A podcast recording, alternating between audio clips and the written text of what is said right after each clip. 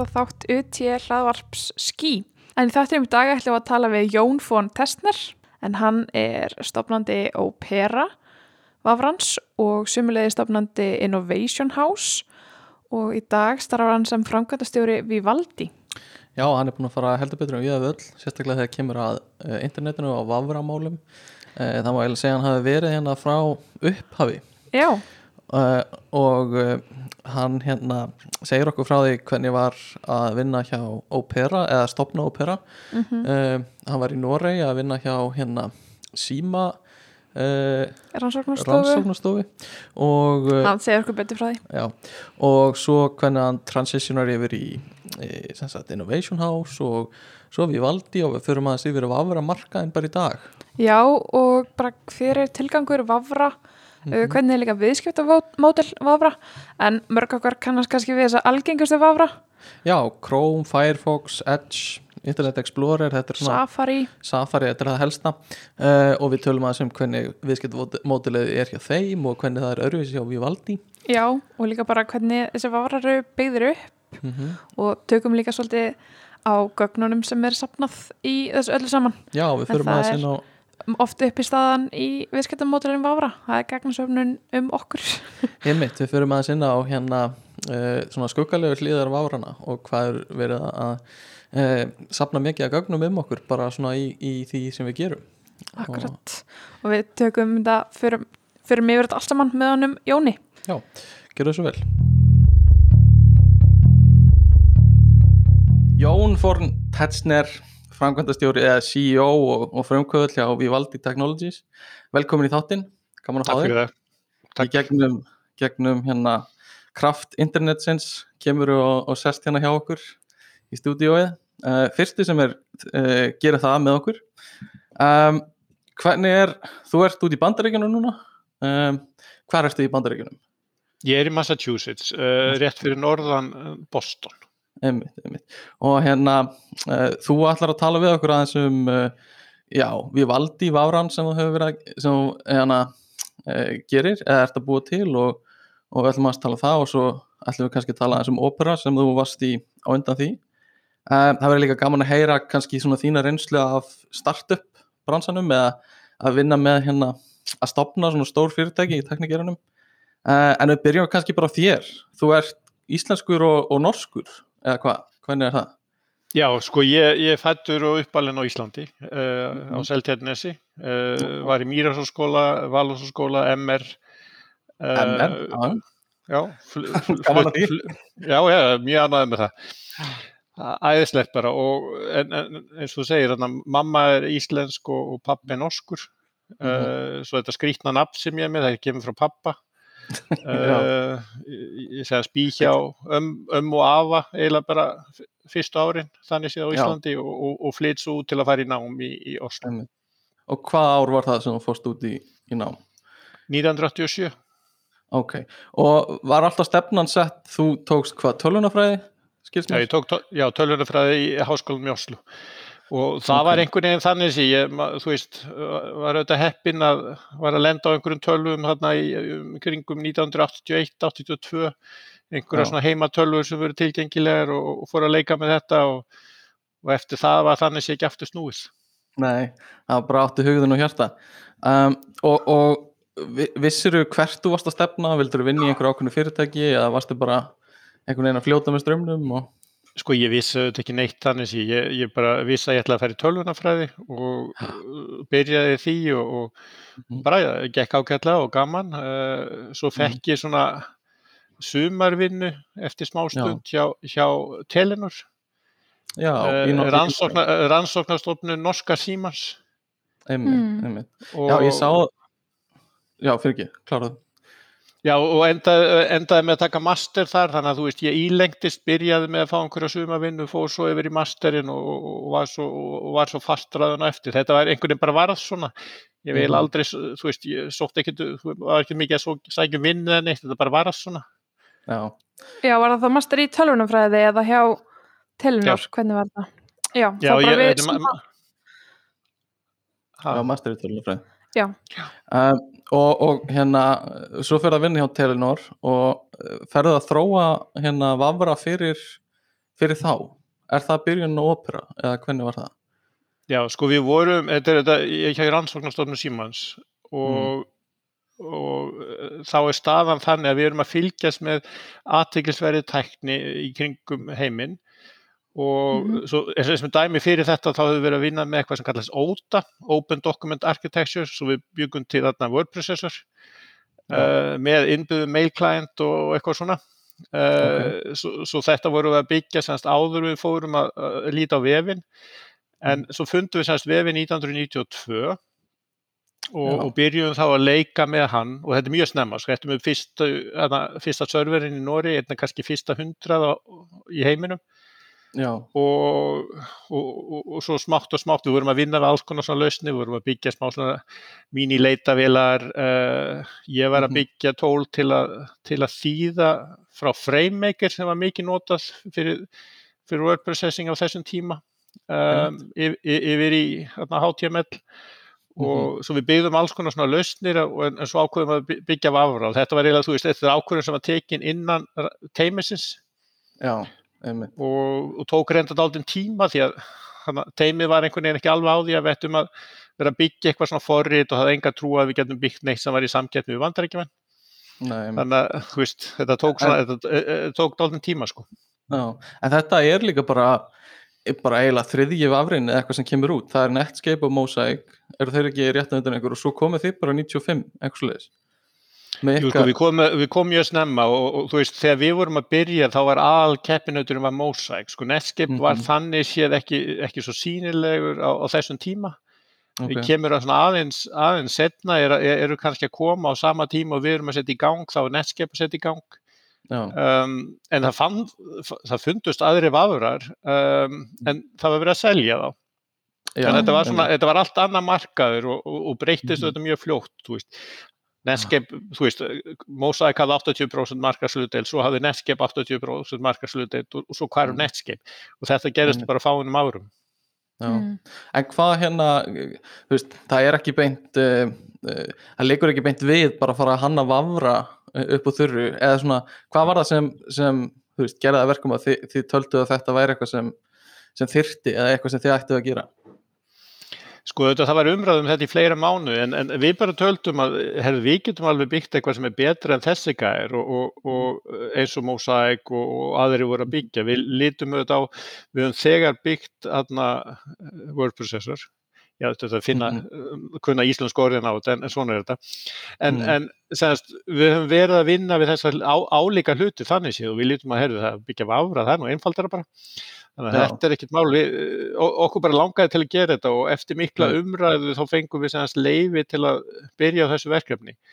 Já, og, og þetta, veist, ástæðan var að þessi veraldavefur, uh, okkur fannst Mhm. þetta aðteglisvert, mhm, að, það var þannig séð ekkert rosalega, við höfum svona, við þurftum að selja þetta inn, að við ættum að eða tími í enn veraldavef því að þeir voru ekkert endilega að skilja að þetta yrði neitt, þú veist. Nei, þetta var, þetta var bóla, uh, maður hefur heyrt þetta oft, er þetta ekki bara bóla á þessum Já, tíma? var, á, á þessum tíma þá var það korki bólan í neitt, sko. Þegar við vorum Mhm. að byrja á þessu, þá var bara engin veraldavefur. Ég meina, þú voru að muna að, þú veist, þegar við, vorum, við settum upp fyrsti server í, í Nóri og Mhm. sagðist, í lok 93 þá eru kannski nokkur hundru serverar í heiminum. Þannig að þegar Já. við erum að byrja á afræðanum í, í, svona í kringum júni Mhm, 1994 uh, þá er auðvitað, þú veist þetta er ekki, það er ekkert mikið í gangi. Við erum að byrja mjög, Nei. mjög, mjög snemma að vinna við þessa tækni.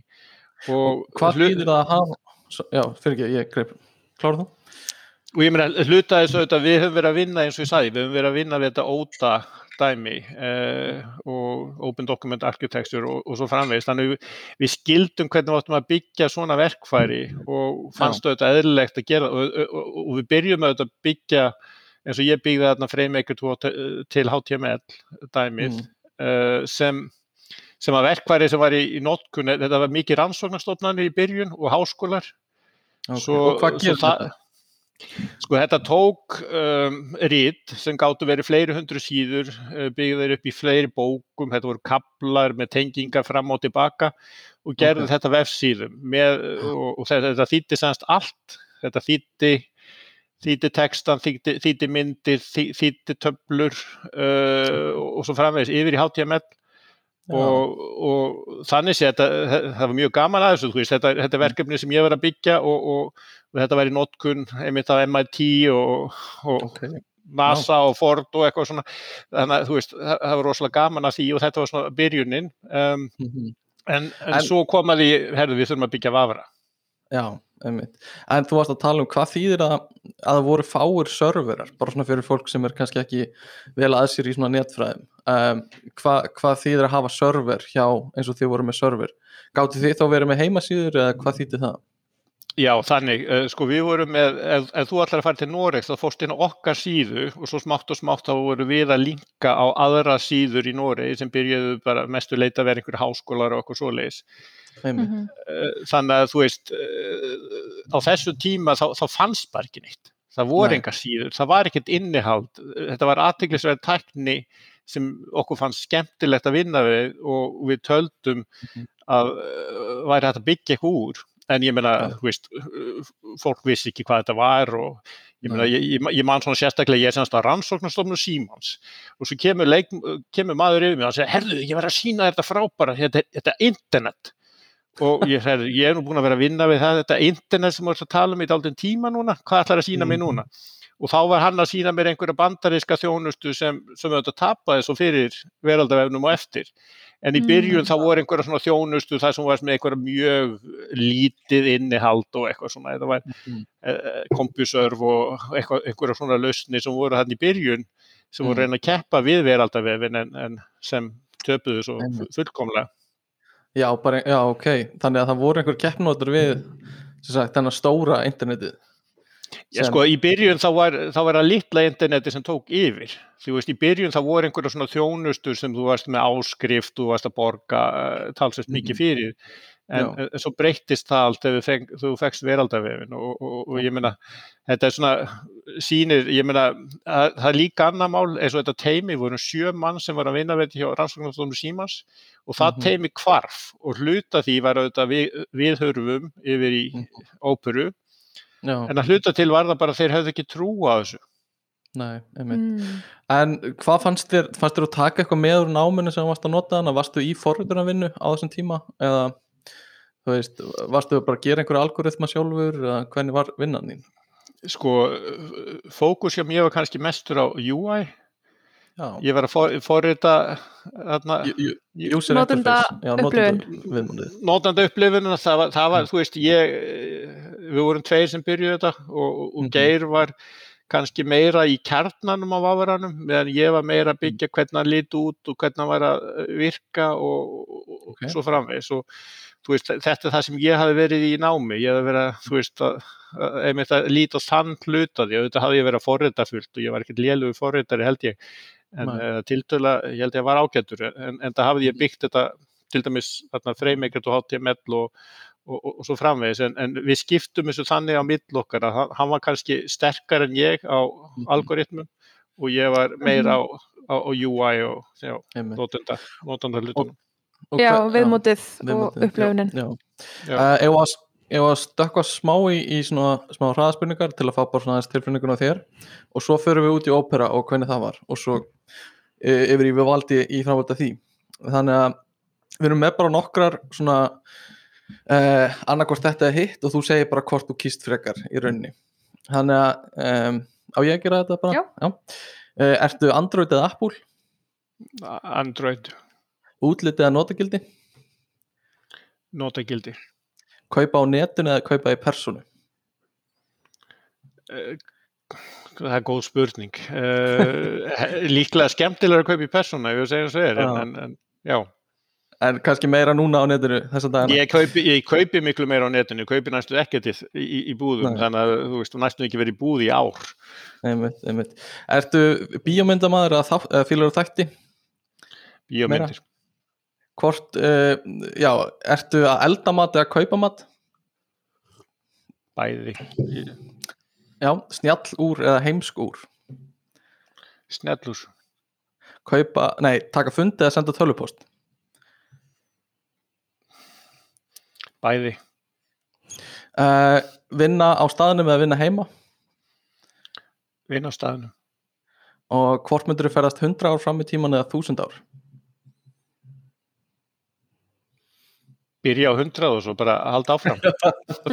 taka stöðuna þá Já. ok, þetta var hérna uh, bara svona aðeins til að til að opna umræðina uh, við erum með smá svona forritunarspurningar ef það er í lagi, bara nokkrar uh, var bara hvert er mest notað forritunarmálið þitt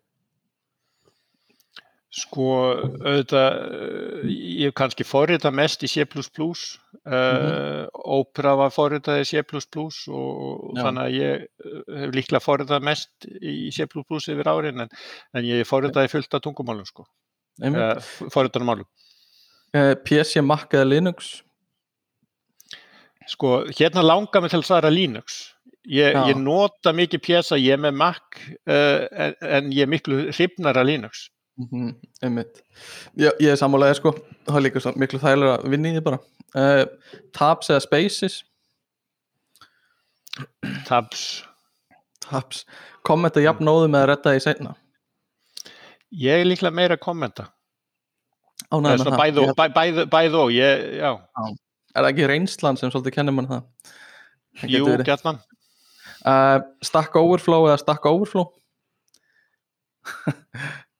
það er hérna Já, ég- já, þú, já, já. það er ekkit flóknar en það uh, herðu, það var ekki lengra en við förum þá kannski bara yfir í ópera við erum komin Mhm. þangað þar sem uh, þetta er komið á markaðin er hérna ópera mm, þarf það að borga fyrir þjónustuna til að byrja með hvernig virkar það? hvernig var Sko, business við modeli? by- sko, við byrjum auðvitað á því að, þú veist, á þeim tíma sem við vorum að byrja, þá kostuð við aðra pening. Uh, En við vorum með svona ókeipis pröfuútgáfu og svo þurftur að borga 35 dólar eða þú vildir halda áfram að nota hana. Einmitt. Mhm. Uh, og svo smátt og smátt á, og, og við heldum því áfram lengi því við höfðum ekkert annað mótel, sko. Nei. Og hvaða ár var þetta sem að Opera kom fyrst út? Sko, við, við byrjum þetta að vinna 94, stofnum fyrirtæki 95 og svo sleftum við mark, vafranum á marka til að geta hlaðið það niður í 96. Mhm. Já, Einmitt. og er þetta þá ennþá partur af semst, síma hérna uh, síma fyrirtækinu eða hérna. rannsóknarstofunni? þau eftir, komin e, e, sko við fengum réttindin frá símanum og e, þú veist, þetta er svona aðteglisverð saga á söman hátt því að, eins og ég sagði, við byrjum á þessum sem rannsóknarverkefni og svo eftir hálft ár þá eru þeir að sjá, herðu, þetta geta orðið eitthvað. Og þá Mhm. var svona spurning hvort einhver vildi, hvort síminn hefði einhver áhuga á þessu verkefni Já, og þeir fundu út að þeir hefðu engan áhuga á þessu. Þeir Já. þetta, þetta var ferðið sem tók sex mánuði þar sem þeir voru að atu hvað ég var að gera við þetta. Þeir voru að spyrja Já. alla innan símans mismandi stopnarnir innan símans hvort þeir hefðu einhvern áhuga á þessu. Það hefði engin áhuga á þessu, hvorki fjármála þú veist, fjárfestingafyrirtækið þeirra eða neinir aðrir.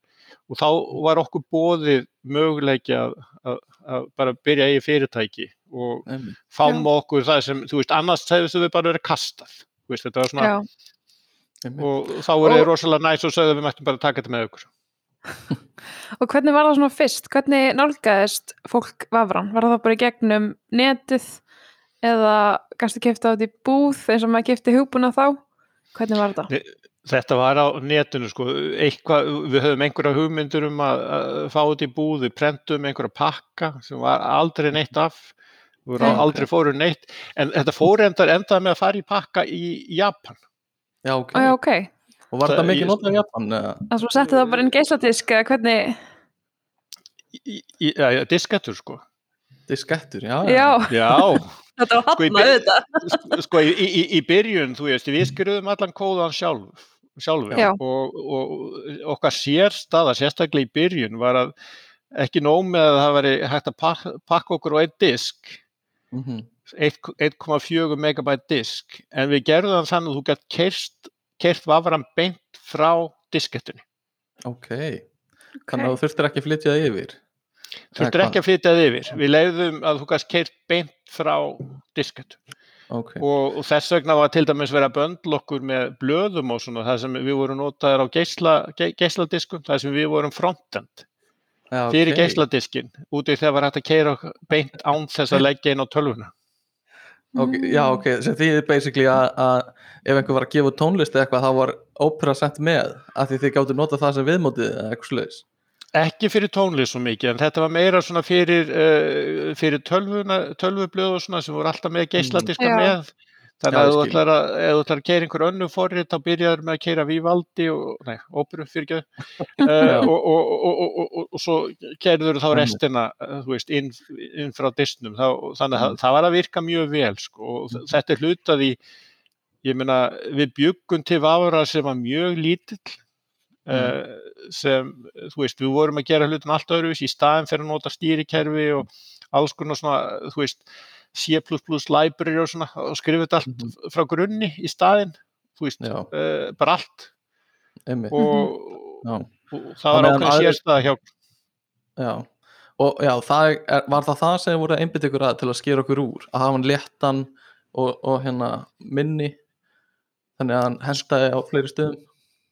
Sko að hluta til þá er þetta bara þannig að við svo heyrðum, við höfum að keira á þessum Windows 3 og til þess að keira á Windows 3 þá þurftum við að pakka hlutunum saman. Aðrir, Mhm. þú veist, höfðu þetta annan hátt. Þeir bara fóru að keira á Windows hérna, 95 og eitthvað svoleiðis. Við reyndum að keira á öllu og, og hluta því að, að geta kert á hverju sem er þá þurftum við að skrifa kóðan þannig að hann gengi það og, og, þetta var semast bara munur á að við vorum að skrifa kóðan sjálfur meðan Já. allir aðrir voru að skrifa kóða sem, sem eh, einhvern veginn kerðu upp á einhverju öðrum kerfum og enda þú veist við kerðum á hverju sem er sem svo var það Mhm. auðvitað til að við gátum kert á farsimum og, og Mhm. leikjatölvum og, og sjó, sjónvastækjum og, og öll, öll öðru sko. Eh, Já, þetta, það þetta, þróaðist, þetta þróaði svolítið þangað hjá okkur að þið voru komin á síma frekar snemma og hérna og, og líka á, já, einmitt leikitölur uh, sem að sá okkur uh, af hverju var það? Var það, var það, þú veist var það semst ákveði hjá okkur viljandi að reyna að fara þangað eða var það út af þessu að þetta var semst, svona létt og, og kóðað hjá okkur frá grunni?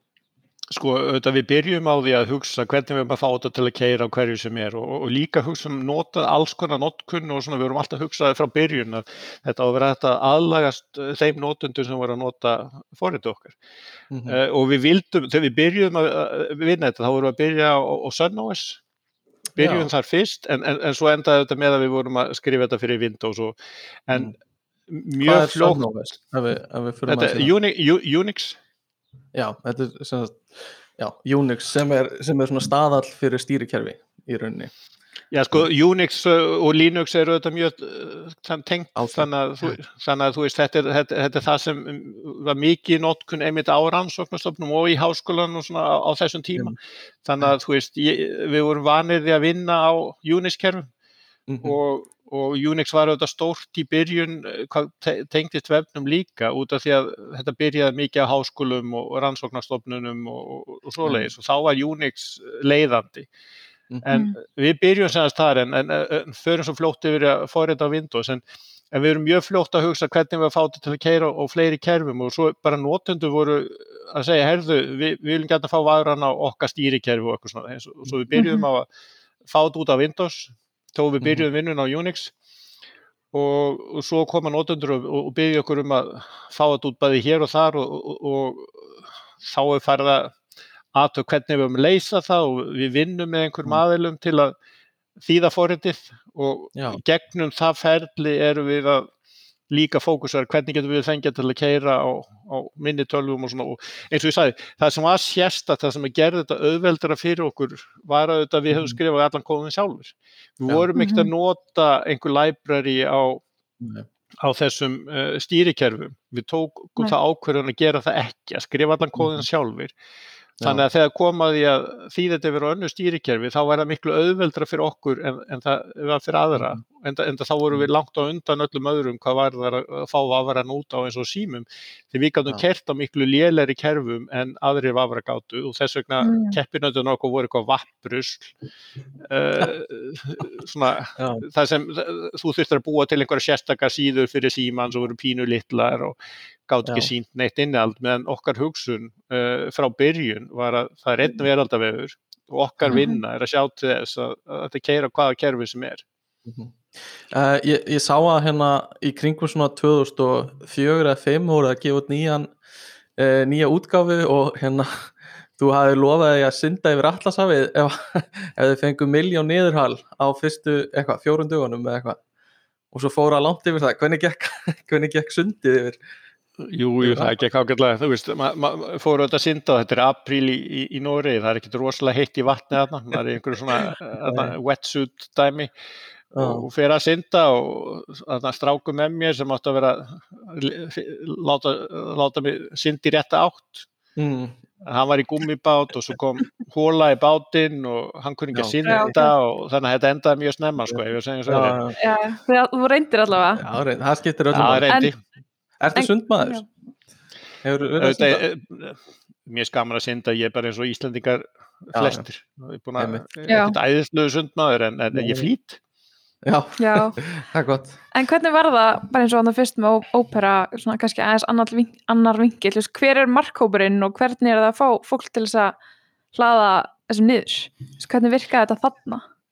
Sko í byrjun var nú bara þannig að við vorum að reyna að finna einhverju sem vildi nota okkur og, og við semst leggjum út vafurann og uh, gerðum reynda sérútgafu fyrir uh, ríkisfyrirtæki sem mm. fór inn í sértölvu til að leita vinnu sem notaði símakerfi til að, uh, svona síma liklaborð til að velja hluti, þetta var mjög sérstakt.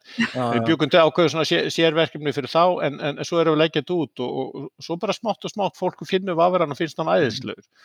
Veist, við förum allt í að veist, það var grein þarna í 1997 í New York Times það sem okkur var lýst sem þarna possin meðan hini vafurann voru leðilegir sko. þannig að þú veist Já, þannig að við, við fáum ákveðna sérstuðu bara mjög mjög snemma þarna. Að fólk er að segja þetta, þetta, þetta er alvöru sko, þetta, þetta virka vel og við höfðum auðvitað bara sko, bara að segja eins og er, við höfðum mjög færan forritar að ég, ég hafði þetta geir með mér og hann var mjög fær og, og, og það verður auðvitað að því að við getum kert á hverju sem er og, og keirum vel á lélögum tölvum mm. og nýtum, nýtum neti betur Já. þannig að við vorum auðvitað með talsverða mikla sérstöðun auðvitað vorum við litlir því að mena, hinn stóru fyrirtækin hafðu dreifinguna og peningin og við vorum Já. bara einhverju, einhverju tveir, tveir í einhverjum, ekki kjallara en, en við sátum nú á, á svæði sem heiti Keller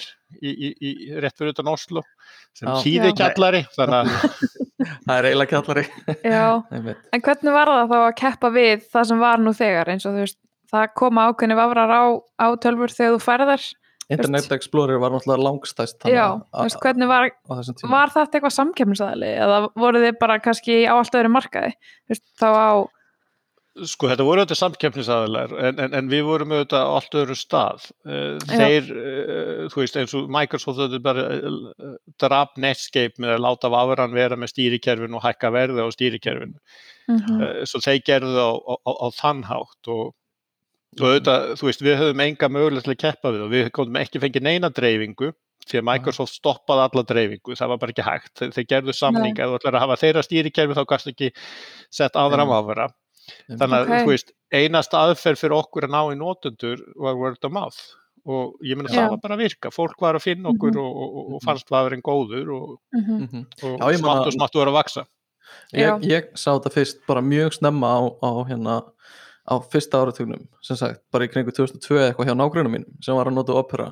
Og ég hafði aldrei séð þetta fyrir bara og, en þá var fólk að nota þetta bara svona hér og þar. Um, en, en svo hérna uh, fariði að nota hérna uh, farið að nota Chromium einhvern tíman þannig eða er opera ennþá með okay. Nei sko, það gerist eftir að ég fyrir frá óperu Okay. Uh, og, og þú veist, það hefði aldrei gæst hefði ég hef verið, við skrifum miklu betri kóða -hmm. en, en, en það var einhverjum hugsunin hjá fjárfestum í fyrirtækinu og þetta er auðvitað hlutaði sem var kannski ástæðan fyrir ég enda með að ég fer við tökum fyrirtæki á markað og, og þetta, við erum að vaksa svona 40-50% ári venjulega mm -hmm. og er að ganga ágæðlega Hvar voru það á markaði? Í, í Oslo Já. Og þess að við byggðum lengi, þú veist, við fórum ekki að marka fyrir 2004, það er nýja árum eftir að við stopnum fyrirtæki, við, ekki, við vildum vera í pluss áður um færum að markað. Uh, og, og, og sannast, við fengum inn fjárfesta í, í kringum 2000 mm -hmm. og, og sannast, svo fyrir við að markað en, en sannast, það, það verður ákveði vandamál að þessi fjárfesta sem eru með þeir uh, sumir það er mjög góðir en, en aðrir ekki Mhm. og, og þeir uh, vildu taka fyrirtæki aðra átt og, og, og hluta því var bara að selja fyrirtæki og þeir skildi ekki verðmæti því að hafa eigin kóða, þeir bara Nei. ekki. Þeir bara lítu það sem vandamál já uh, og þá, því að þeir, vildi, svo, já, þeir vildi þá fara í einhver, það sem heitir Chromium leðina, er það ekki? jú, og hvað, þetta, hvað er Chromium? Getur þú útskýrt það fyrir okkur?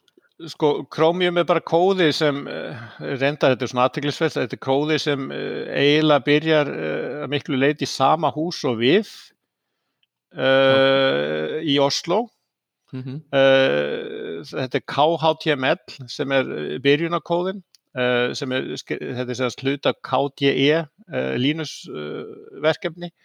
Og það eru svo strákar í sama hús og við sem er hluta til er að vinna á þessu og eitthvað fólk út um kringum heim. Mm um, þetta ákveður svo Apple að nota og þetta verður að WebKit. Ok, uh, svo ákveður Google að nota þetta og þetta verður að Chromium.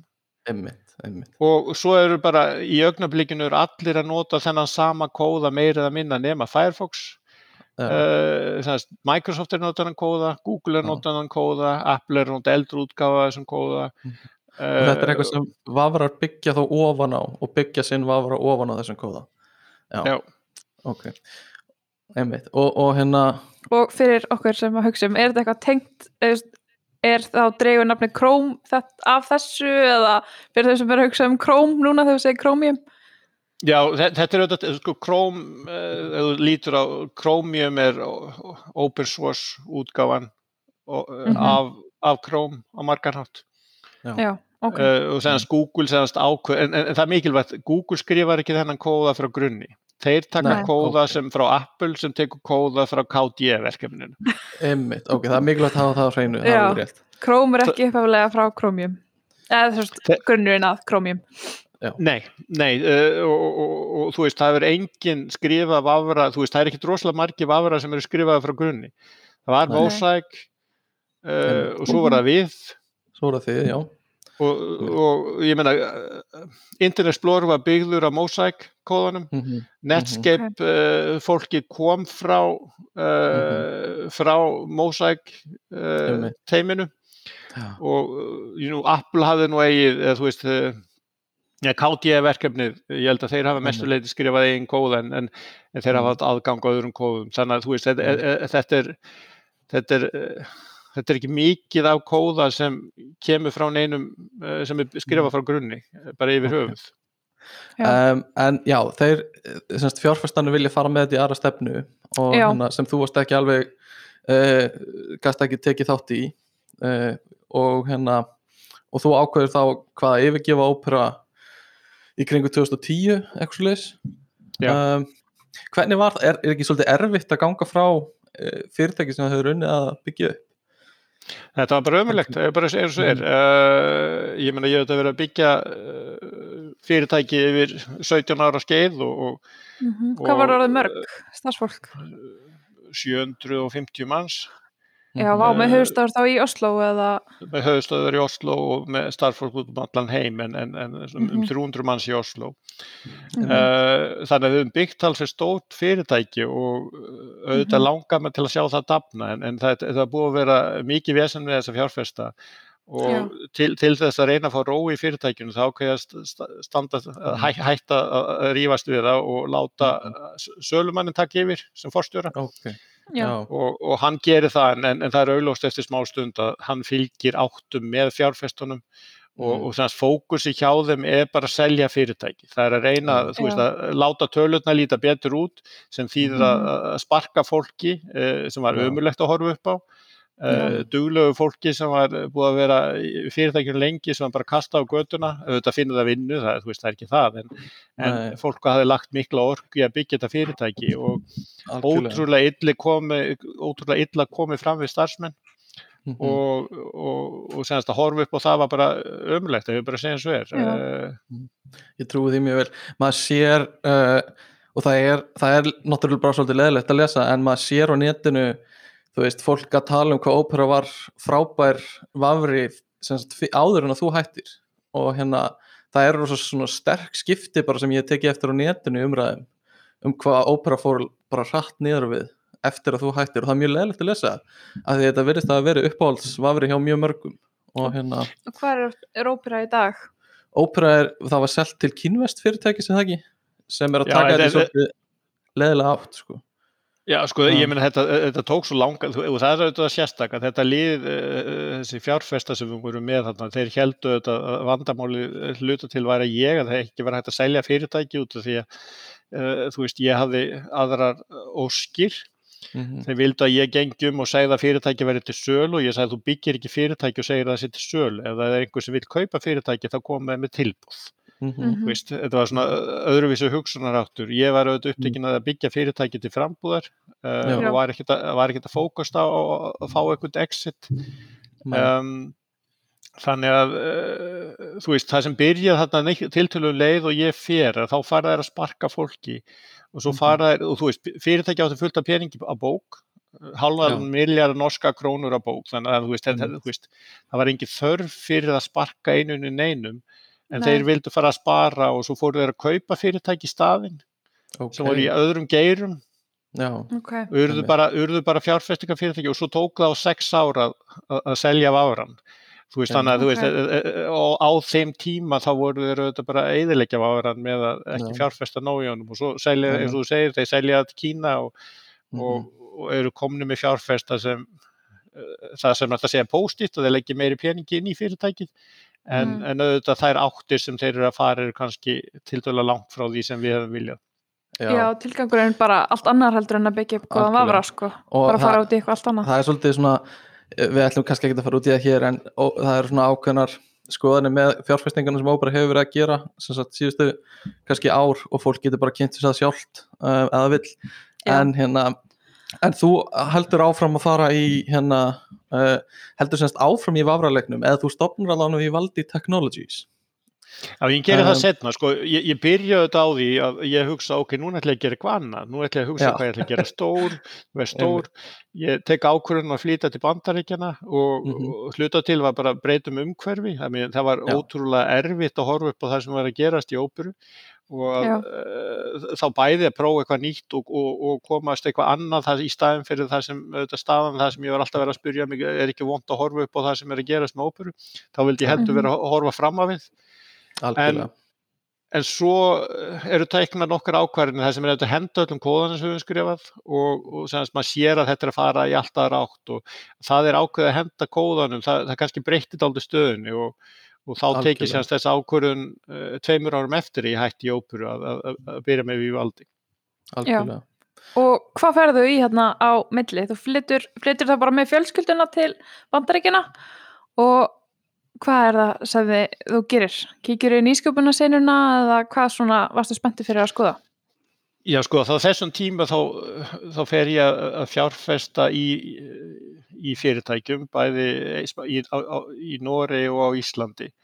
Og Já. ég er svona að hugsa hvernig ætla það sé að vera við, hinum með við borð get ég Já, verið góð, góðu fjárfestur Góðið fjárfestin. Og varstu þá mikið eitthvað að koma til landsins og fylgjast með hérna nýsköpuna sinni hérna heima eða hvernig var þetta hefur? Já og, og, og ég meina á þessum tíma þá var nú allt í köku á Íslandi ef maður á að segja eins og er. Uh, Já, þetta er eftir hún sárin Já, þannig að þú Mm. veist, ég set upp Innovation House þar sem við erum að taka móti frumkvölum, ég, ég fjárfest í hinum af þessum fyrirtækjum, eh, Örnu, Hringdu, Smart Media Já. og Ós, uh, Dohop og svo framvegis uh, og er að reyna að styðja við þessi fyrirtæki eins vel og ég get og, og, og hjálpa þetta þeim að þá fjárfestingasjóður hvað hva skilgjörn Innovation House sem? Er það félagsamtöku fjárfestasjóður? Hvað? Sko Innovation House er eiginlega, þú veist, þetta var aðalhugsun hjá mér er að ég var að fjárfæst í ákveðum fyrirtækjum. Ég gæti ekki fjárfæst í öllum. Þannig að hugsunum var, hvernig get ég stutt við uh, frumkvöðla? Þannig að ég set upp aðstöð út á Seltjarnesi sem er ódýr en ekki er að taka, þú veist, eignar hluta eða neitt svoleiðis. Þetta er bara, hlutu, þetta er bara spurningum að reyna að bjóða upp og þæla aðstöðu fyrir Svona fyrirtæki. coworking space einhvern veginn? Já, já, Svona eiginlega. Sam, samvinnurými? Gastu Já. þá leikt skrippborð eða hvernig? Nei, sko það sem við höfum gert, uh, við erum með eigin skrifstofu fyrir fyrirtækin Mm og hugsun er bara þannig að það virkar ekkert rosalega vel að hafa fullt af fólki sem er að vinna af mismöndu hlutum inn í sama herbyggi. Þannig að, þannig að við setjum upp þannig að fyrirtækin eru með eigið rými og svo erum við með samvinnu rými þar að auki þar sem fólk, ef, þú veist, þá getur fólk ráði. Núna ætla ég að vera að vinna, ég fer inn á skrifstofu og loka hurðinni mhm, uh, vill ekki neitt sé að tröfla mig í augnablikin og svo fer maður fram og svo spjalla maður og þetta er bara svona uh, leifa fólki að vinna þann hátt sem það vill helst. Við höfum auðvitað gert uh, rannsóknir, spurt starfsmenn eins og við gerðum í óperu hvernig starfstaðstæðu viltu hafa og langt Já. flestir vilja sita í minni skrifstofum ekki allt og mörgum öðrum. Þannig að, Nei, veist, þannig að þú veist, þetta er bara að reyna að fylgja því þannig að þú hafið hann sveigjanleika, það, mm Mhm. teimin sita venjulega saman Já. en, en á sínum herbyggjum en, en hinn teimin eru ekki að vera trubla á. Nei, Og voruð þið þá að fjárfesta í þeim uh, fyrirtækjum sem voru með aðstöði í Innovation House? Þarna, voru það eðistorki eða hvar voru þið? Þetta, þetta á eðastorki og, og, og hugsun er einmitt þannig að ég, ég vildi ekki fjárfest í öllum og hugsun hjá mér er þannig að ef ég er að fjárfest í fyrirtækjum þá þýðir að ég er að fylgja þeim eftir. Það, þetta, er svona, þetta er samningur, þetta er eh, eins konar hjónaband. Uh, og, og þá er maður að gefa og taka, veist, þetta, er, þetta verður að vera þannig og, og ég get ekki verið í ómörgum sambundu samtímis, það bara gengur Nei. ekki upp. Þannig að þú veist, uh, ja, hvað sagður? Það þarf að sinna öllum. Vel? Já, maður verður að gera það og, og, og þú veist, það sem ég hef sanns gert uh, á Íslandi þá ég fjárfesti um tíu fyrirtækjum og, og svo reynt að styðja í gegnum Innovation House og í Nóri þá fjárfesti ég heldur bara í sjóð sem hefur svo fjárfesti um hundra fyrirtækjum þar. Já, þannig að þið í Innovation House eru þá um, að veita frumkvölum og fyrirtækjum stað til þess að vera á Mhm. og hver er þá, hver, hver er Innovation House í dag? Þú ert uh, forstjóri eða framkvæmtastjóri og hvernig haldið þið út einhverju starfsemi eða coworking space í dag? Já, já, það, þetta eru um svona 20-25 fyrirtæki sem eru á eðistorki. Uh, og eru ennþá og það er, er byðröð eftir að komast inn uh, í, í, þetta rými. Og þar að auki þá byggði ég aðra aðstöðu hérna út í bandaríkjanum og sem Ok. það sem ég hef reynd að gera er að uh, tengja þetta saman. Svo ég er með Innovation House út að Seltjarnesi, svo er með Innovation House hérna út í, bandaríkjanum í Magnólia og þe- þar erum aðstöðu til að taka móti frumkvölum þannig að við höfum fengið frumkvöla bara í heimsókn. Við notum þetta bæði þá fyrir vývaldi gengi en líka fyrir önnu fyrirtæki bæði út af Innovation House og við höfum tekið á móti öð, öðrum fyrirtækjum eh, þannig séð uh, sem hafa bara óskað eftir að nýta þetta rými. Og Mhm. þetta er, maður kallar þetta, þetta frumkvöla resort þetta, er svona, við erum með þetta er gamalt bed, þetta, bed and breakfast Já, ok, þannig að að, býr það- og vinnur á staðnum. Það er át, voru átján sefnarbyggi, við vorum reyndar að bæta við okkur, svo við erum rúmlega 30 sefnarbyggi núna, Vá. þann, þannig að við getum tekið á móti teimum og hugsunni til þess að við notum þetta fyrir Vívaldi meðal annars og þá uh, söfnust við kannski mánuð, kemur fólk með Já. fjölskylduna með sér, þannig að þetta verður allt öðruvísi uh, að að vinna svona heldur en þú veist, fólk fer kannski á einhver, einhver helgaferð og drekkur og mikið og gerir skrýtna hluti, Eh, þú veist, þetta er meira svona fjölskyldu Já, dæmi, Já. þar sem þú ert að safna fjölskyldu, þar sem er að vinna á daginn og svo erum að grilla og fara á ströndina og það eru flott svæði til að hjóla og, og svona í nákvæmlega, þannig að þetta er, þetta er öðruvísi aðstæð og hugsun er, þú veist, eins og þú skilur kannski, ég er aðeins að hugsa öðruvísi uh, hvað þessar hluti varða og, og, og bara Já. reyna að hugsa uh, þegar ég var að byrja mhm. hvernig hjálp hefði ég vilja fá og ég, þú veist, mér finnst svo oft vera einhvern veginn þannig, ok, þú veist að tala við einhverju, þeir eru að gefa þér ráð og svo er það að fá hluta fyrirtækinu fyrir það mér Mhm. finnst það einhvern veginn kannski ekki alveg eins og það eigi að vera Nei, og, og, og við heldur semast reyna að Jújú, jú, fjárfesti í sumum fyrirtækjum og fjárfesti uh, uh, óbeint í öðrum þarna gegnum hennar sjóð í Nóri en, Mhm. en, en hugsunin er auðvitað þannig að, að, að, að maður bara reyna að styðja fyrirtæki og hjálpa þeim á, á þann hátt sem hægt er að gera og og sagði, ég get ekki fjárfest í öllum en ég get gefið einhverjum góðum fyrirtækjum aðstöðu sem hjálpa þeim að vaksa. Já, og ítir undir þá líka bara menningu og teimisbyggingu hjá þeim.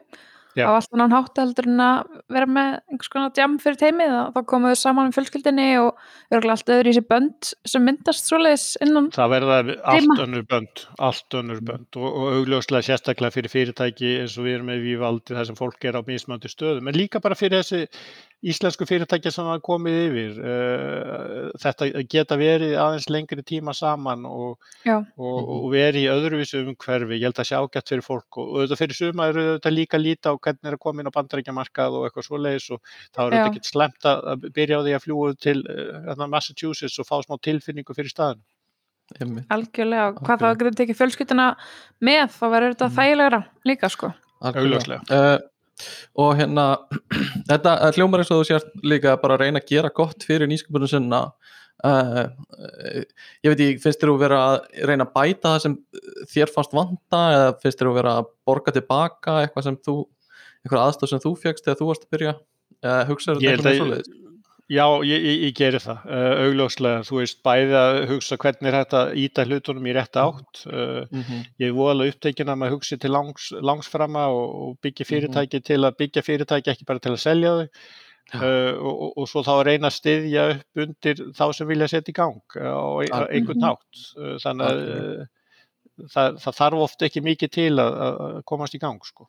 einmitt Já, fólki er kannski mjög stór auðlend í fyrirtækinum allavega sem kannski mm, mér líður eins og þú, já, fólki skiptiði máli sem er hjá fyrirtækinum að byggja það vel upp að það náttúrulega mm skila sér til fyrirtækisins sko. já, og já, þannig að þú ert að með Innovation House og ert komin til bandaríkjana og hvernig um, hvað verður til þess að þú stopnar uh, Vivaldi eða þið farið að skoða það? Já, við valdi Technologies, er það ekki fyrst? Jú. áður en að vafren kemur Já, sko, vafrin er þannig sem við valdi Technologies, en, en Mm. við byrjum þannig sem við komum vefsíður og eitthvað svona í byrjun, en, en, en það var bara fljótleira heldur en að byggja vafran, en við byrjum að við vinna við vafran og þetta er auðvitað starðarinn að verkefni að komast í gang, þetta tekur náttúrulega tíma og, en Mhm, auðvitað, það, það, það sem var auðvitað, við vorum að sjá ópera fara í alltaf átt en, en það sem við höfum verið að gera, veist, við, við Mhm. byggðum auðvitað vafra sem var byggður á hugsunarhætta, við, hann á að vera hægt að byggja fyrir hvern og einn þú veist, þú Mhm. ætti að geta breytt vafran og svo hann passi fyrir þig og Já. þetta er svona öðruvísi hugsunarháttur en, en flest aðra af vafra sem, sem er ofta bara að reyna að vera eins einfaldir og mögulega þeir geta verið fyrir mhm, alla. En, en það sem gerist þá þeir eru eiginlega fyrir engan. Því að þú veist, mm oft mikið stýrður af business model. Uh, það sem er verið að hugsa hvernig við að fá fólk til að gera eitthvað sem þeim ekki endilega langa til að gera en sem við þýrum pening á og Mhm. svo, svo við erum að reyna að hugsa þetta á einhvern annan hátt og, og, og, og töldum að það væri þörf fyrir nýjan vafra uh, á, á markaðin út af því að ópera var að hverfa, hverfa og augljóslega það var ótrúlega mikið notundur sem var að spyrja mig, herru getur ekki gert eitthvað? Það var eðilega já, en ég gæti ekki rettað óperu en ég gæti byrjað upp á nýtt. Einmitt. En hver, þegar þú segir við, ertu með einhverju sem voru að minna, vinna með þér í óperu, Uh, kom einhverju með þér yfir eða hvernig var það? Sko augljóslega þá er þannig að það, það sem er eðlilegt fyrir mig er að, að finna fólk sem ég hef unnið með áður. Þannig að, og, og, og það, þú veist, að sumuleiti þeir, þeir gerðu þetta einfaldara fyrir mig því þeir voru að sparka fullt af fólki sem ég hef unnið með. Þannig ég þurfti ekki einu sinni- ég þurfti ekki einu sinni að vera að stela fólki, ég gæti bara ráði fólk sem þeir voru að sparka sem var ótrúlega eh, duglegt og, og, skemmtilegt fólk sem er mjög heppin að geta náði hvort sem þeir komu beint eða höfðu farið í önnu fyrirtæki og, og það var bara mikið gleði eh, fyrir, ég meina eh, ég held að, þú veist Ópera var sérstakt fyrirtæki og við höfum byggt uh, aðeins á sömu hugsun og við höfum svo byggt vivaldi, við höfum kannski byggt það ennþá meira í kringu þessa hugsun að, að hugsa um starfsmenn og, og notendur og svoleiðis. Við höfum alltaf gert þetta þannig að fyrir fólk sem var svo að missa vinnuna og svona þegar það fengi alltaf vinnu annars staðar uh, þá var meira þetta var svona, maður var að halda saman og, og, Mm -hmm. og ég held að það var mjög erfið fyrir fólk eh, þegar ég var ítt, ítt út úr óperu og þá þetta, þegar við Mhm. fengum þetta fólk yfir til okkar í staðin þá var þetta mikið gleði uh, hjá, hjá starfsfólki.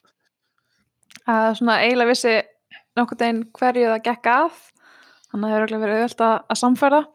Og hvað er þá markmið sem svona er hérna hjá okkur, þú veist, hvað viljið þið gera með Vavra, þú veist, hvað viljið þið gera öðruvísi og hvert er svona já, svona vision mission sem þið sá fyrir ykkur fyrir Vavran Sko við auðvitað bara að byggja vafra sem setur notandan fyrst. Ég það auðvitað Já. heyrist það eitthvað svona flosalegt út og er það ekki það sem allir að gera en, en, en það Já, er ekki þannig. með hönnun, nei, Ég, ég meina, lítur á það þannig, langflesti vafrarnir til dæmis er að, er, að byggja eh, upplýsingagrunn um notandan. Ég meina, já, hver er þá notandinn, sko, þú veist að hanna fyrir, er það fyrirtækin eða einstaklingarnir, sko? Já, þetta verður þetta fáralegt og þú ert með fyrirtæki auðvitað eins og Google, eins og Microsoft sem uh, sapna ótrúlega mikið af gögnum við notendur og ég held bara Mm. langt flestir af afræðunum er að gera þetta og við erum ekki að gera það. Við, erum, við, Nei. þú veist, við lítum á þannig, við, við ætlum ekki að sapna neinum grunni um notandan, uh, Mhm. við, það er ekkert æg í gangi hjá okkur þannig uh, þannig að þú veist við, við erum bara byggja vafra sem er líka breytanlegur fyrir þá Mhm. notkun sem notendur hafa þörf fyrir. Hvað sem Mhm. þú vilt einfaldan vafra eða kannski ennþá meira eða þú vilt vafra sem getur gert meira. Þetta er svona hlutað í, þú veist til dæmis, hinn vafrarnir eru o- oft með léleg bókamerki og lélegra, lélega flipahöndlun og svoleiðis. Og hlutað í er að þeir vilja að þú leiti meira því að mótelið, þú þjána pening ef notandan er að leita eins mikið og mögulegt er Mhm. og við erum að byggja þannig að það er auðvelt að hafa mikið af flipum, það er auðvelt Mm. að, að bókamerkakerfi virkar Mhm. eða miklu ork í það Já, mér finnst þetta rosalega mikilvæg punktur þetta með að gagna söfnunina mér finnst þetta óþægilegt að hugsa til þess að eins og Google Chrome og, og fleiri er að sapna öllu sem ég geri um mig í rauninni um, og, og en líka bara að vita að það eru til vafra sem gera það ekki finnst mér rosalega mikilvægt að, Mhm. að fólk líka bara, bara kannski sem eru að hlusta á þetta viti af þessu að hérna að hérna það getur notað aðra vafra heldur en þessa klassísku og þessu stóru En hver er þá svona helstu munurinn þegar fólk hugsa um, þú veist, vera að safna gögnum um þig, ok, Google Chrome til dæmis safna gögnum um hvað ég er að skoða hvaða vefsýður, en samt sem áður síðurna sem ég fer inn á þá gegnum við valdi, nú spyrja því ég veit ekki, um, það er ennþá samt þessar cookies, ég það ekki á síðunum, eða þannig að þau safna samt einhverjum gögnum. Þú veist, hvernig, þú veist, að við getum útskýrt þetta fyrir hlustendum.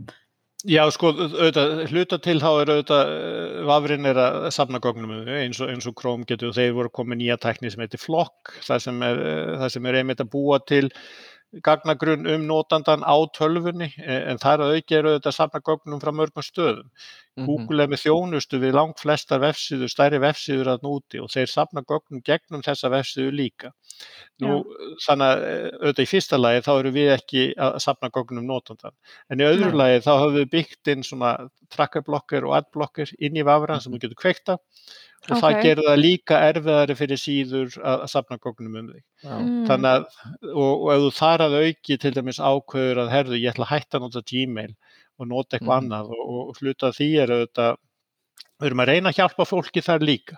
Við erum til dæmis að byggja mailforrit og kalender, uh, Ok. við erum Við erum ókepis mail og kalender þjónustu, Mhm. en fyrir utan það þá erum við líka með bara að byggja svona góðan gamlan client sem getur þú nota með mismöndi þjónustum og, og þannig sé ekki þurft alltaf að vera uh, uh, loggaður inn, í- inn hjá Google. Þetta er Já. svona hluta því að uh, leysa uh, þessa tengingu að einhverju Mhm. leiti. Þannig að það eru, það eru mörg þrep sem þarf að fara í gegnum hérna fyrir Já. okkur. Við erum að reyna að bjóða þannig að fyrir þá sem vilja losna úr, úr þessu veseni að það sé vera að safna gögnum, við gerum það Mhm. erfiðar. Þú getur byrjað á því að flytja þetta yfir til vývaldi Mhm. og, og svo þá kannski að hvort þú vilt að nota vývaldi þjónustur sem er ókepis eða nota Já. til dæmis fast mail þjónustu eða aðra sem er að bjóða þjónustu fyrir einhvers, kannski 40 dólar ári. Hvað er þess virði að Mhm. hafa tölvupóst á einhverju stað sem er ekki Já. verið að safna gögnum um þig? En nú eru auðvitað margir að hugsa sko, gögnin eru það sem að uh, það sem peningarnir eru kannski fyrir marga af þessum vöfrum. Uh, þeir eru ekki að safna gögnum. Hvernig er það á viðskiptamódel hjá ykkur? Hjá við valdi? Auðvitað það þýðir það að við þjónum minni peninga og, og, og mann, það er bara Mhm. þannig en við erum með Mhm. samninga við leitavélarnar uh, til Já. dæmis og við erum með samninga við einhver bókamerki þar sem ef þú notar booking.com til að panta eða eitthvað svoleiðis eða Já. notar uh, eBay eða Amazon tengla sem Mhm. við fylgjum með Nú, ef, ef þú fylgir þeim og kaupir eitthvað þá fáum við Já. einhvern smá hlut þetta er Já. gömul og þekkt aðferð á netinu sem mér finnst tiltölulega hrein um, Já, það er þeir fá ekki bara hlut- prósentu. Við bara fáum pósendu út af því að Já. þú ferð inn á þessa síður og, og kaupir eitthvað. Við erum ekki að Já. senda þeim einhverjum gögn sem við höfum pant, Mhm. safnað saman eða neitt svoleiðs. Það er ekkert svoleiðs í gangi. Nei. til þess að klára kannski gagna umræðina uh, þessi gögn sem hinum vafrunir eru að safna þau eru seld, er það ekki og þau, þau fá tekjur af þeim oft stundum Sko spurning er hvernig þetta er nýtt en, en það er auðvitað verið að byggja auglýsingakerfi og hluta því Já. er að, þú veist, í, í byrjun netsins þá var þannig að auglýsingarnar uh, fylgdu vefsíðun, þannig að ef þú fórst á Mhm. tækni vefsíðu þá sástu tækni auglýsingar, ef þú fórst á einhverja, þú veist, á einhverja uh, bílasíður. einhverja að- bílasíður þá sástu bíla auglýsingar uh, Mhm. en, en það sem auðvitað breyst núna, núna er verið að fylgja, auglýsingarna fylgja þér þannig að Já. það er verið að sapna þessum gögnum frá mjög mismöndi stöðum. Og, og, og, og, það er hluta þessu sem, sem okkur ekki líka við og finnst það eiginlegt að vera bannað sko, ef við bara segjum svo er, mér finnst alveg út í Mhm. hött að fyrirtæki sé að sapna gögnum um notkun uh, til, til að setja það inn í einhvern stærri gagnagrunn. Auðvitað mikið af þessu er Google og Facebook þeir eru mjög slæmir þarna en auðvitað Microsoft eru þarna líka og fleiri önnu fyrirtæki. Um, en já, ég hérna ég nota viðvaldi aðeins og hérna það er þessi, þessi áhersla á sko uh, sem sagt tabs sem eru sem eru svona hérna sem eru rosa rík og þetta uh, ég veit ekki hvað maður segir á íslensku customization, það er þetta, þeir eru rosa breytilegir og hérna Já. aðlaga sig vel en ég tók eftir í eins og við vorum að tala um áðan með hérna leitavélinn sem er sjálfkrafa leitavélinn er Yahoo og, og svo sér maður eins og þú varst að tala um þegar þú opnar fyrst vafran uh, bookmarks frá einmitt eBay og, og fleiri síðum. Uh, og það er þannig sem eins og við vorum bara að tala um aðan sem þið fáið einhver, einhverja tekjur. Uh, Mm. og þetta er, þetta er frekar hreinleið, ég er mjög sammálaðir þar. Um, skemmtilegt við Vafran ég, ég er bara aðeins að tala um reynsluna mína á uh, skemmtilegt við Vafran er sem sagt, þú getur opnað svona til hliðar uh, einhver svona hérna tab og verið með hann opinn sem svona sér glugga og fyrir þá sem hafa áhuga á því þá er hægt að posta mynd á Instagram í gegnum Vafran sem er ekki hægt uh, í neinum öðrum vöfrum. Sagt, eða ekki hægt í tölvum bara almennt. Þannig að fólk sem hefur áhugað að posta myndum í, í gegnum tölvunni sem það getur notað við valdi Gott fyrir markansfólk sko sem það vil ekki þurfa að nota síma sinn. þetta eh, var mjög skemmtilegt. Um, en, en já, mér finnst þetta svolítið áhugavert business model, af því ég hafði aldrei pælt í þessu. Þetta hérna uh, þessa leitavél, hún skiptir á svo miklu máli þetta er í öðrum vöfrum líka. Þetta þú, þú farð samning við leitarvél til að hérna hafa sem svona default leitarvélina. Um, og hérna uh, er það, þetta er bara bara venjulegt, venjulegur hlutur eða þetta er bara í öllum vöfrum í rauninni, er það ekki? Jú, þetta er þannig séð þannig að þetta er breyting á business model sko í byrjun auðvitað þá hafður ekki tekjumódel í vöðrunum og ef ég segjum svo er þá var Opera fyrsti vafrið sem byggðin leitavél á þennan hátt Mm Mhm. uh, og þannig fundum við aðferð til að geta hætt því að taka borga fyrir vafran, -hmm. gáttum breytt módelinu þannig að við höfðum bara þessa leitavéla samninga Mm -hmm. Og auðvitað þetta eru stóri samningar. Og lítur á til dæmis fyrir Mozilla uh, Mhm. þeir, eru að tala um tekjur upp á 500 miljónir dólar ári frá þessum leitavélum og auðvitað samningur sem Apple er með með Google eru upp á einhverjum miljardar dólara þetta er auðvitað mi- miklu minn upp, upp hæði hjá okkur, við erum að tala um Já. kannski dólara manna ári en, en auðvitað hefur eins og Firefox hefur talsveit fleiri notundur en við og, og svo framvegist þannig að þeir, þeir eru með miklu meiri tekjur þar en, en þetta er Mhm. mótil hann er síðan sem allir vafrarnir nota og, Mhm. og, og, þá er það bara spurning út af því að þetta er mótili sem vafrarnir þjána peninga á Mhm. kannski þá tengt því líka að safna gögnum um nóangan já. sem við ekki gerum. Uh, þá, þá þannig séð þú, þú, þú, þú finnur einhvern veginn að business model er að, er að ha- hafa áhrif á hvernig fórhætti virka þeir vilja að þú leitir eins mikið og mögulegt er. Mm. okkar hugsun til dæmis hjá okkur við gerum einfalt að breyta leitavélum þú getur Já. bætt, bætt við eigin leitavélum ef þú vilt, sem er rosalega næs. Mm -hmm.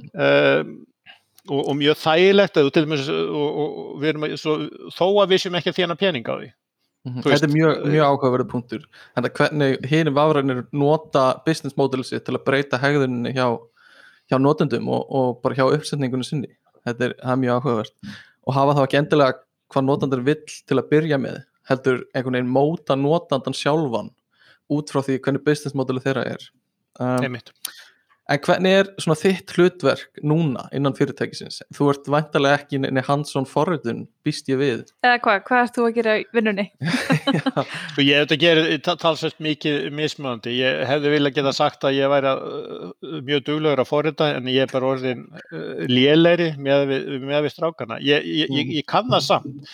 Ég, lagði nokkura línu bara til að sanna að ég gæti gert það en, en, en þú veist, augljóslega ef ég færa að forrita það ég held að þú veist, eftir einhverja smástund þá gæti ég gert meira því en, en ég hefði kannski meiri tíma í umræður um mm -hmm. hvernig við erum að leysa hlutu, þetta hefur talsverða reynslu af því að leysa teknileg vandamál í vöfurum.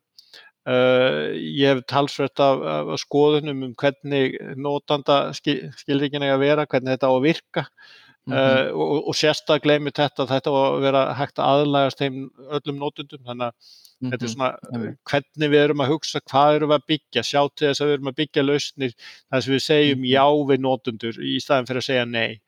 Uh, þegar nótundu koma óskir þetta er uh, þannig að þetta er uh, svoleiðslutir og, og, og, og þetta ræðu maður að ræðum markasetningu mm -hmm. ég hef þannig séð oft farið talsvert um heiminn og verið á ráðstöfnum halda fyrirlestur fyrirlestur og svona, það er aðeins minna því síðast árið en þetta er auðvitað hlutaði að auka sínileika fyrirtækisins.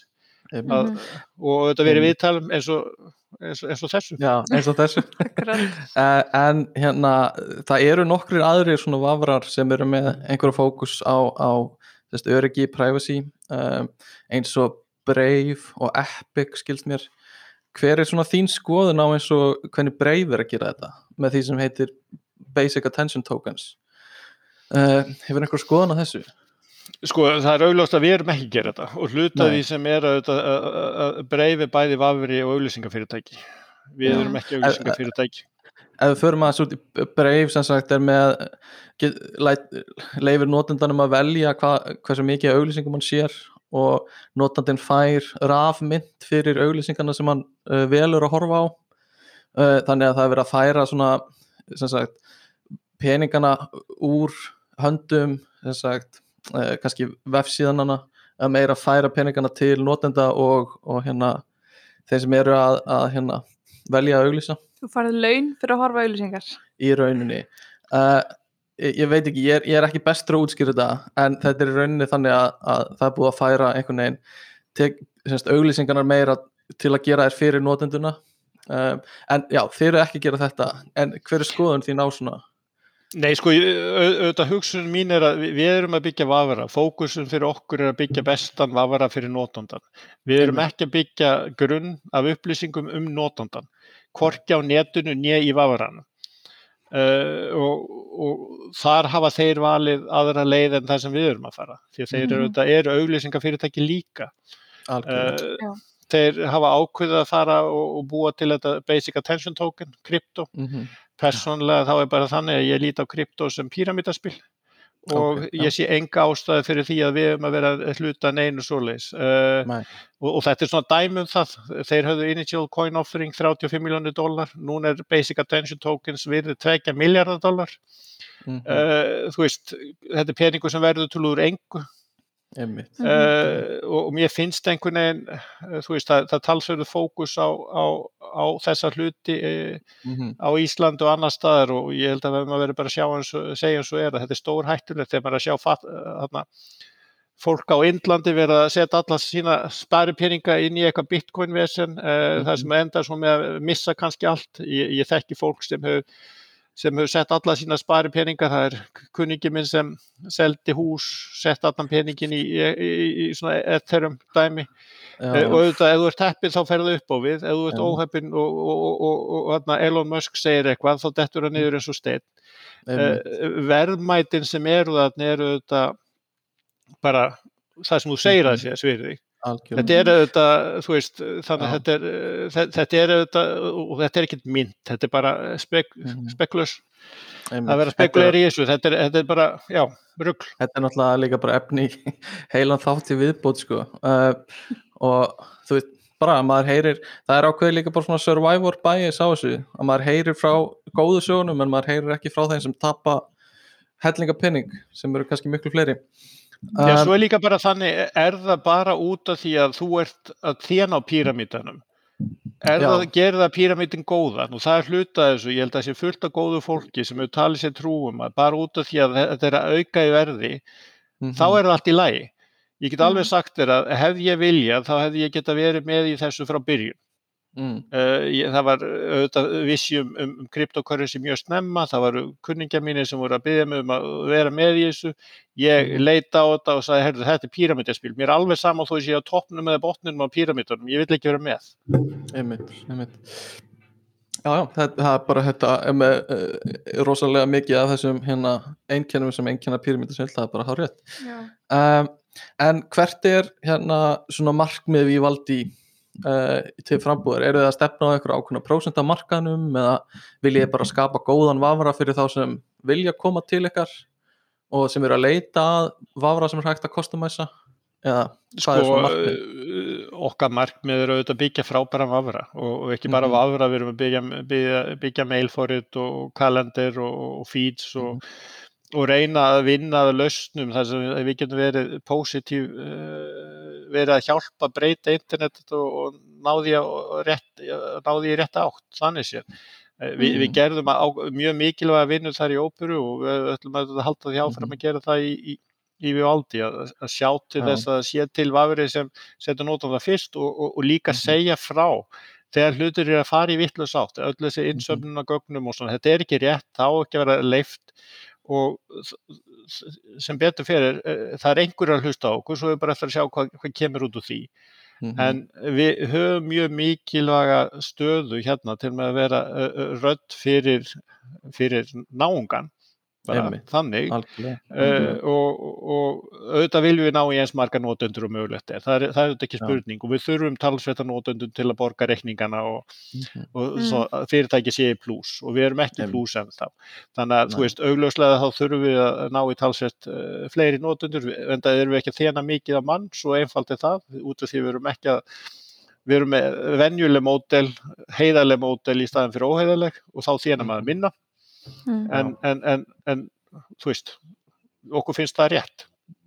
Já. og þú, þú, það er maður, maður heyrir það greinilega á þér að þér finnst þetta ekki rétt þessi þróun sem er í gangi núna með þessari gagnasöfnun og með þessari sölu á gögnum, auglýsingum uh, hvert, hvert sér þetta fara í framtíðinni? Heldur þetta haldi áfram að þróast svona eða eru fleiri að gera eins og þið að reyna að berjast svona á móti þessu?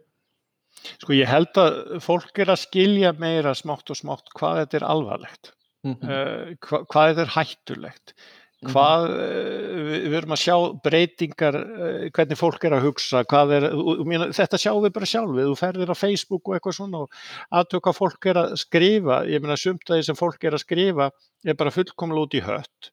Já, Uh, og, og hvaðan færa þessar hugmyndir? Uh, og, og það hlutaði ég, ég er í gegnum innsöfna gögnum þar sem fólk er ítt í ákveðnar áttir. Mm þar sem fólk, ein, einhver er að reyna að hafa áhrif á fólk til að fá það til að breyta skoðunum. Uh, og þú veist, þetta bara ekki að vera leifilegt þannig að Nei. ég og, og við, ég eh, held ekki sagt við erum mjög mikið á því að þetta á banna. Já. þú veist, það er auðvitað þannig að með lög, þú vilt fá semst, ríkis, eða ríkistjórnir og, og stjórn með því að banna þetta með lögum bara Já, já, ég ég meina þetta er auðvitað fáránlegt. Akkur eiga fyrirtæki að vera að safna, bara út í þessi tæknilega einfalt að safna gögnum þýðir ekki að vera að gera það. Ég meina, ef þú hefur aðgang á gögnum um þína notendur, þá er að passa vel upp á þau gögn. Ég meina, auðvitað, þú veist, ef þú ert með þannig upp, þú ert með upplýsingar um notendur út í þú ert að bjóða upp á einhverja þjónustu, þá Mhm. ertu stundum á þeim stað að þú hefur aðgang að fullt af gögnum. Mhm. Það höfðum við til dæmis í óperu og, og við höfum ekki, ekki svo mikið í, í, í Vívaldi í þannig séð, við erum þetta með blogg og mailþjónustu og eitthvað svonleis. En við til dæmis ekki, við erum með, með blogg og mailþjónustu, við erum ekki að búa til einhvern grunn um notandan út í hann með mailþjónustu hjá okkur. Mm. Þú Veist, eh, hverjum hefði dottið í hug að pósturinn hefði farið að lesa póstun okkar? Hverjum Já. hefði dottið í hug að síminn hefði farið að taka upp samtöl og nýta þau til að byggja gagnagrunnu okkur? En Einmitt. þetta er gert í dag Mhm. Og þetta á bara ekki vera leifilegt ég meina, Mhm. þú veist, þetta er bara fáralegt Mhm. Það er svolítið gott líka að hafa svona þína skoðun að því þú hefur verið eiginlega bara með netinu frá byrjun í rauninni með bara upphafi vafra og að núna bara dagsins í dag sem er svolítið magnað að þú hefur séð greinilega bara svona uh, uh, allt tím, bara allt tímabil sem vafrar hafa verið til hefur þú verið að tekið þátt í í rauninni uh, og hérna og þetta er greinlega að fara í þessa svona gagna söfnunar átt sem er, sem er ekki gott. Um, og, og þú ert þess að skýra því. En þessir, og líka bara svona að fólk fái svona fílingin fyrir hvað er að gerast í dag að þeir eru með hvað 0,02% markaslautheild cirka við valdi og meðan að Chrome er með kringum 70, Edge 7, Firefox 7 cirka, Internet Explorer 5 og Safari 3% sem þýðir bara að, að Google hefur bara eiginlega mynd af hverjum einasta einstakling í heiminum í rauninni, eða 70% af þeim sem er svolítið, það er mjög skeri sko.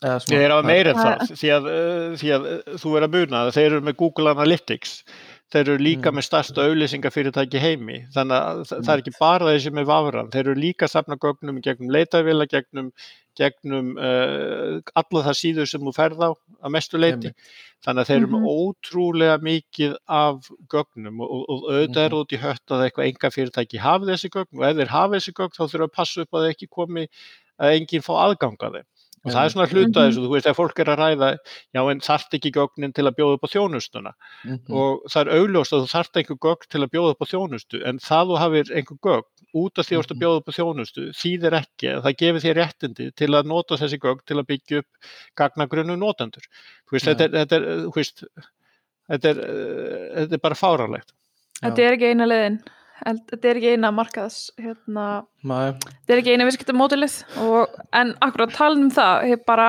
kannski svona í lokin um, bara hvert er hlutverk vafra þú veist hvað já, mér finnst, mér finnst þetta svolítið áhugaverð pæling sko, hvert vafrar er að fara. Uh, kannski sérstaklega tengdu hérna svona uh, í, sím, í símum, svona mobile vafrar uh, af því ég persónulega er gjörsamlega orðin þreyttur á að hafa upp í símanum mínum uh, og það vilja margir meina að vafrar mögulega taki við þannig að þú þurfur ekki að, að sækja öll upp í síman heldur fari bara í gegnum vafra já, ég hef verið með eitthvað svona sameinlegt Já. með allt þú veist með slakk og það, ertu með messenger og eitthvað annað á einum stað Já, sko. þetta er rosa skýrt í, í tölvum þá ferðu bara inn á bara síður til að leita þér að einhverju YouTube, Facebook þú veist, þú ert ekki með Facebook app á tölvunniðinni um, en þú ert með það í símaneginum og það voru alls konar ástæði fyrir því í gamla dag en sem eru kannski að verða smá úröldar núna uh, sérðu þetta gerast? Er þetta eitthvað sem þið eruð að pæla í?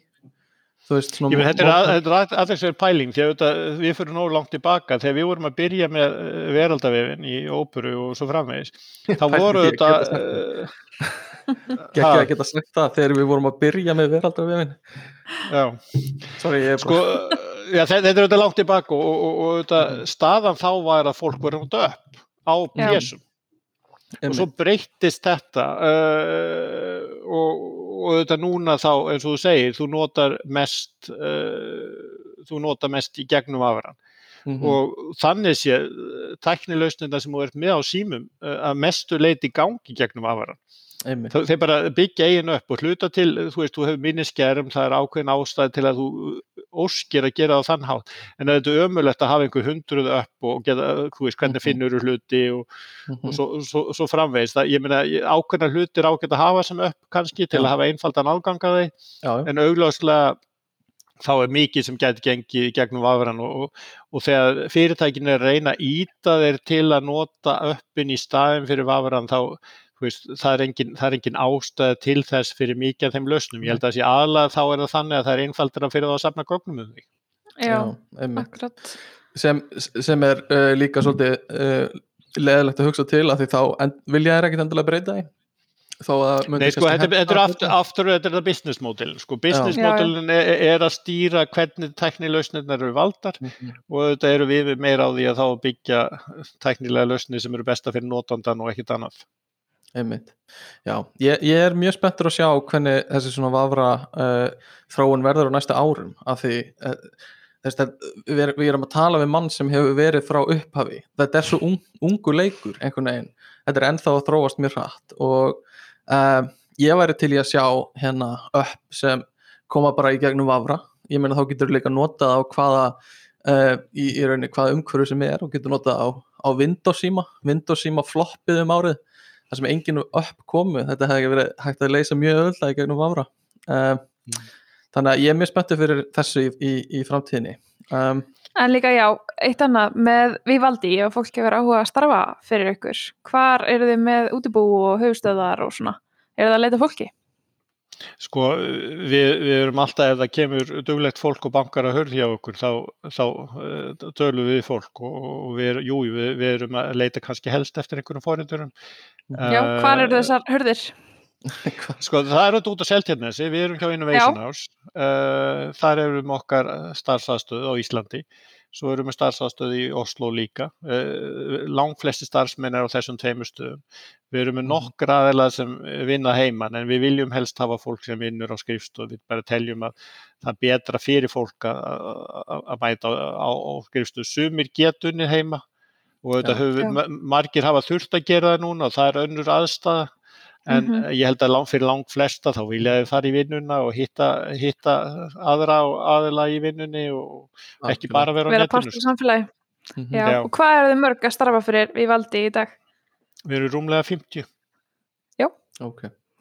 Uh, hérna, þetta, þetta er búið að vera mjög áhugaverð spjall og, og bara hérna, ég held að við höfum eh, grætt mikið að því að fá þig hérna til okkar. Já, mjög, mjög áhugavert og gaman að fara yfir og læra um vaframarkaðin og hvað er framöndan um, Er eitthvað sem þú vilt bæta þig í lokin eða heldur við séum bara búin að dekka mest alltaf? Við erum búin að dekka mikið og uh, eitt sem ég vildi segja þú veist, uh, þegar við erum að tala um markaðslutdeild og svona, við erum með mhm. rúmlega 2 miljónir nótundur þannig að þú veist það eru bara mun að við erum, við erum talsveit mikið fleiri nótendur en það eru Íslandingar og, og já, við erum svona nál, nálgarsfjölda normenna líka. En, en auðvitað tölutna verða að þú veist þegar ég var í óperu þá var alltaf verið að segja ópera hefur enga nótendur Mm -hmm. uh, og það var verið að segja þá þá við höfum 350 miljónir nótundur þá var samt verið að segja við höfum enga nótundur út af því að það var engin, einhver, einhver sagði eitthvað. Ég þekk enga sem er nota á óperu en, en, en, en svo voru kannski með 90% markastöld þetta á Indlandi mm -hmm. eða uh, þú veist uh, voru, þú veist á, á símum og svo voru mm -hmm. með þú veist 30-40% eins og í Rúsland og Kvítarúslandi og, Úkræn mm.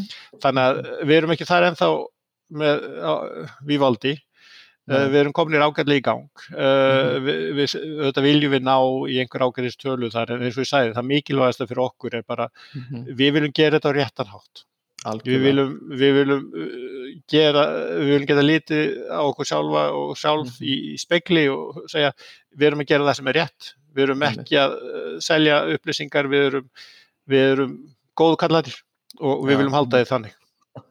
Já, þeir eru líka ungt fyrirtæki og maður hefur tekið eftir í að af alls konar svona fólki sem er að tala um Vavra að maður heyri nafnið ykkar oft. Og, og ég, ég sko, kenti mér það svolítið mikið þegar þetta viðtal og maður heyri nafnið ykkar oft þannig að þið eru á upplið Algjörlega og, og tölurna sem ég tala, tók fyrir áðan er bara desktop og laptop sko þannig að það segir ekki alltaf söguna Nei. En reyndar er það þannig, bara að segja það, ef þú ferð að líta á upplýsingar uh, á netinu, hvað var það okkar markaðsluteld, þá eru mm -hmm. vittlust. Já, uh, það kemur ekki óvart uh, út af því að við megum ekki segja að við séum við valdi. Við lendum í því að Google var að blokkera uh, meðal annars, uh, þeir voru að blokkera okkur, okkar notendur okay. Eða okay. þeir fóru á þeir, eins og Google, Google Docs og svona, við vorum að vesenast með að síðuna voru ekki að virka, við vorum okay. að nota sama kóða á þeir en Já. þeir aðtöguðu hvað stóð, það stóð við valdi, ok, þá voru að segja að þú verið að skipta um afara. Er það? Mm. Það er ótrúlega. Þannig að við þurftum Já. að hætta að segja hvað verið veldi, þannig að þú getur ekki, séð, þú sérð okkur ekki statistik lengur. Ok, ok, ég skil, þetta, það er, þið þurftu að breyta því hvernig, hvernig hérna merkið ykkur á netinu, þannig að fólk líka, er þá ekki að telja alla með sem hérna, ok, það er mjög áhugavert. Er og, og þetta, þurftu, þetta þurftu við að gera bara út af því að það var bara alls ekkert hægt að uh, segja, ef við sögum að vera í völdi þá voru við blokkirar og, og þetta segir auðvitað eitthvað um að þessi stóru fyrirtæki og það er gegnum tíðina þá við mm -hmm. séum það, þessi stóru fyrirtæki þeim er ekki saman okkur. Nei. það meiri sér þannig, ég var nút aldrei stolt að því þegar Microsoft nefnd okkur í, í svona skjölum til, til markaðarins það sem er sögð að þeir voru hrætti við okkur. Ok, wow, geggjað, bara til hamingi með það, mér finnst það frábært. wow, ég held að þetta séu líka bara góð loka orð og Microsoft passi ykkur. Uh, og hérna já, ég bara þakkaði kærlega fyrir komuna. Já, vafraheimurinn er rosalegur, greinilega, Og hérna- smá einokun inn á milli. allir að, ég, ég mæli með ég, ég bara, ég get mælt með þessum vafra. Ég er búin að vera að nota hann núna uh, til þess að undirbúa mig hérna í nokkra vikur. Já. Uh, og ég bara mæli með honum og hérna uh, allavega allir að tjekka á honum því Já. það sakar ekki og Prófa hérna, þetta. já, bara takk fyrir að koma og uh, eitthvað meira Nei, takk kærlega fyrir komuna Jón. Já, takk sem leis.